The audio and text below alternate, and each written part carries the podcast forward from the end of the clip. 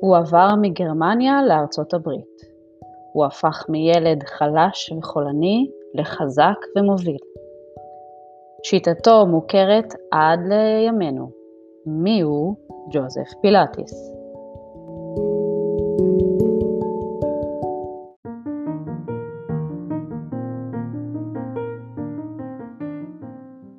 רגעים במחול פודקאסט על מחול עם שירי לילוס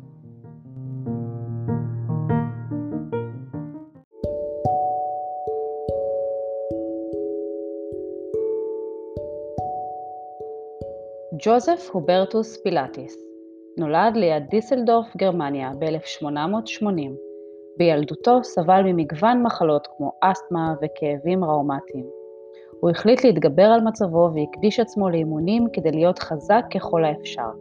הוא עסק והצטיין בסוגים שונים של ספורט כמו סקי, התעמלות, צלילה ובניית גוף.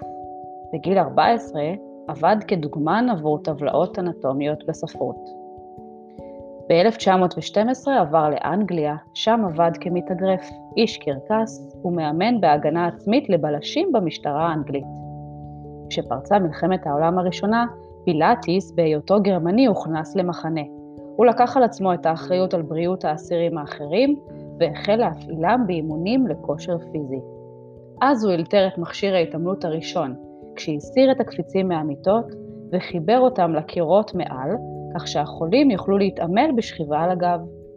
רעיונות אלו שימשו מאוחר יותר כבסיס לפיתוח המכשור המיוחד לטכניקה.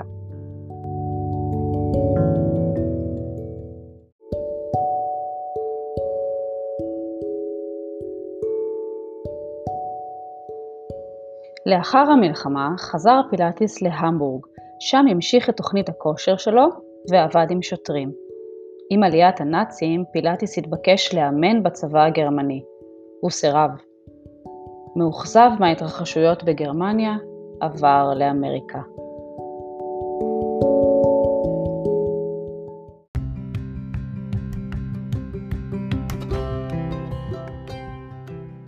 על האונייה בדרך לניו יורק פגש אחות בשם קלרה, שלימים תהיה אשתו.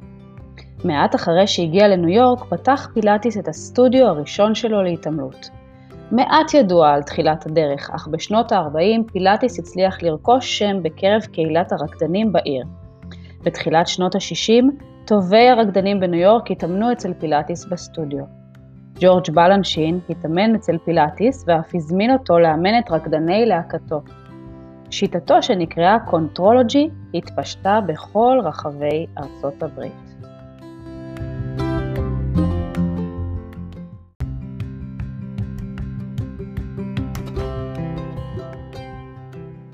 השיטה של פילאטיס קסמה בעיקר לרקדנים, שחקנים, אתלטים ומתעמלים, אנשים שלהם דרישות גופניות ומנטליות גבוהות ואשר גופם משמש כמכשיר העבודה המרכזי שלהם.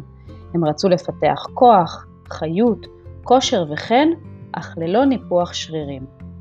פילאטיס לימד אותם גישה הוליסטית כשהפילוסופיה שלו כללה התמסרות טוטאלית לאימונים קבועים, דיאטה שהתאימה לאימונים, וגישה שחשיבותה מוטיבציה ונחישות. פילאטיס סייע לאנשים פצועים בהתאוששות מהירה. הוא פיתח את מכשיר ההתעמלות שלו, מיטה הנוסעת עם קפיצים המותאמים לשלב ההתאוששות של הפצוע. ציוד מסוג זה נמצא בשימוש גם כיום במכוני פילאטיס. הוא כתב מספר ספרים, ביניהם הבריאות שלך וחזרה לחיים באמצעות קונטרולוגי.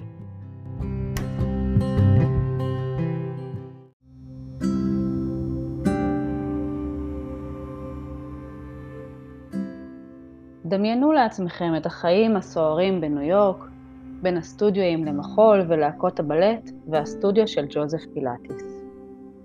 אך כשהוא נפטר בגיל 87, הוא לא השאיר אחריו יורש לשיטתו. אך היות ושיטתו הייתה מוצלחת כל כך, היא המשיכה הלאה. קלרה אשתו המשיכה להפעיל את הסטודיו בניו יורק תחת ניהולה של אחת מתלמידותיו. תלמידים של פילאטיס פתחו סטודיו שלהם בשיטה, ביניהם רון פלצ'ר, שלרקד גם בלהקה של מרתה גרם.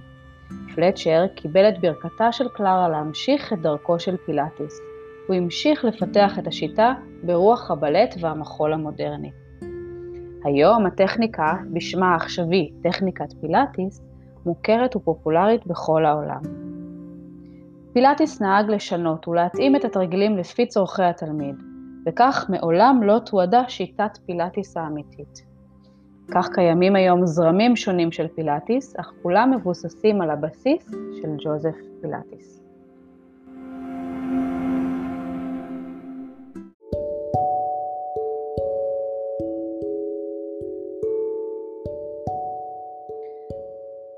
על פי פילוסופיית החיים של ג'וזף פילאטיס, שיפור באיכות התנועה מובילה לשיפור איכות החיים.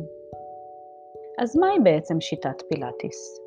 השיטה בנויה על היחס שבין נשימה ושליטה על מרכז הגוף, תוך שימת דגש חזק על יציבה, stabilization, כבסיס לתנועה חופשית. ההתמקדות ביציבות כבסיס לתנועתיות מונעת פציעות תוך כדי ביצוע תנועה, וזאת בביצוע התרגילים כמו גם בביצוע של פעולות בחיי היום-יום. מטרת השיטה מלבד חיזוק הגוף ועיצובו, היא יצירת אחדות בין גוף ונפש, כך שגם תנועה יומיומית טבעית תהיה ממוקדת, זורמת ומאוזנת. בעוד שבשיטות אימון אחרות אנחנו נתקלים באימון ספציפי על כל חלק בגוף, שיטת פילאטיס מתמקדת בתהליך התנועה כולו. פילאטיס נהג לומר שהוא מעדיף לראות תרגיל אחד אשר מבוצע באופן מדויק, שדורש מבנה ויציבה נכונה, מאשר 100 תרגילים בעלי חזרות רבות שמבוצעים בצורה לקויה. לשם כך הוא פיתח כ-500 תרגילים ממוקדי תנועה.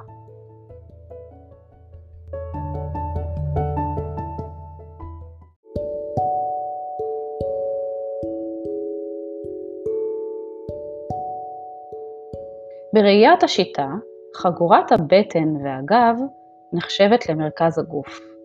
אחד הרעיונות המרכזיים בשיטה הוא פיתוח מרכז גוף יציב וחזק, תוך שמירה על חופש תנועה, התוצאות הישירות של התרגול. פיתוח מרכז הגוף מוביל ליציבה נכונה שמפחיתה את כאבי הגב ואת הסיכון להיפצע.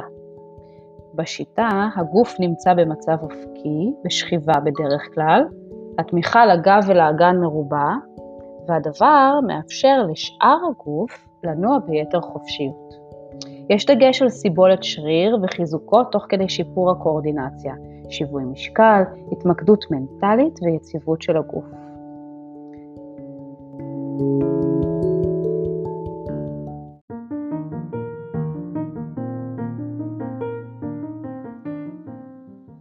האזנתם לרגעים במחול, פודקאסט על מחול עם שירי לילוס.